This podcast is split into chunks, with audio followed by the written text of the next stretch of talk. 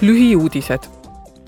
Euroopa Parlamendi arengukomisjon peab täna arutelu Ukraina sõja humanitaartagajärgede üle.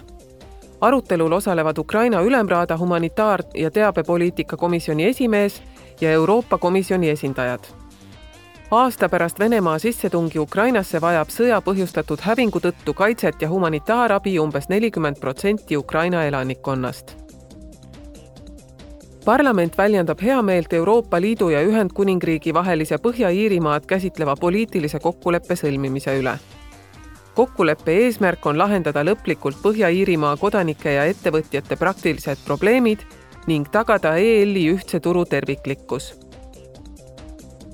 parlamendi naiste õiguste ja soolise võrdõiguslikkuse komisjon kohtub täna liidu liikmesriikide parlamentide liikmetega kaheksandal märtsil peetava rahvusvahelise naistepäeva eel arutavad nad energiaostuvõimetuse soolisi aspekte. Eurofondi kahe tuhande kahekümne teise aasta andmed näitavad, et üksikemadel ja üksikutel naistel on suurema tõenäosusega raskusi oma energiaarvete maksmisega kui üksikutel meestel.